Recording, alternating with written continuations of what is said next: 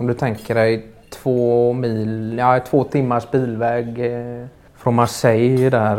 Eh, Okej. ja. Söderut då? Ja. Mot kusten? Ja.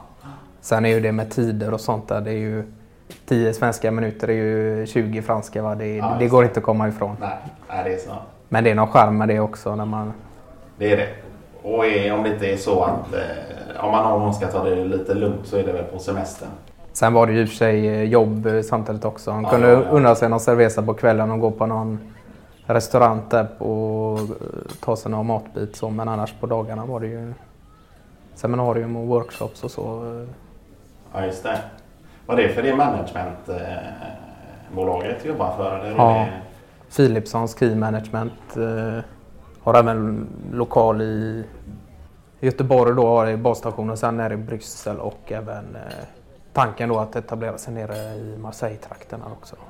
Så det var ju lite som semester också att kunna komma ner och ja, just det. ja. Tog du, eh, var det hela familjen med då? Eller? Ja, det var Alene faktiskt och Philipsson själv var inte med då. Han, eh, han har ju mycket annat att stå i med. Ja, eh, Broberg var ju med eh, Asså. faktiskt som en sidekick där och höll på att rigga upp mickar och så. Ja. Han jobbat som D- D- DJa. DJ. Ja, just det. Ja. Precis. Han är duktig på det. Han, kan ju mycket musik också. Han har ett sånt intresse som... Eh, jag har ju inte det intresset för musik på det sättet. Han har ju någon... Han har takten i sig på något sätt. Det går inte Ja. att komma ifrån. Det Nej. går inte. han hade väl något coverband? Eh, Han hade ett coverband. Jag... Hette de... kommer inte ihåg vad de hette nu men det var mycket bröllopsspelningar och olika festevenemang. Så...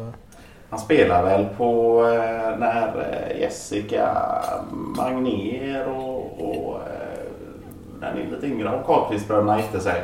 Vad heter han? Peter Karlqvist? Pontus Karlqvist ja, Pontus, tänker ja. du på. Ja, just det. Ja.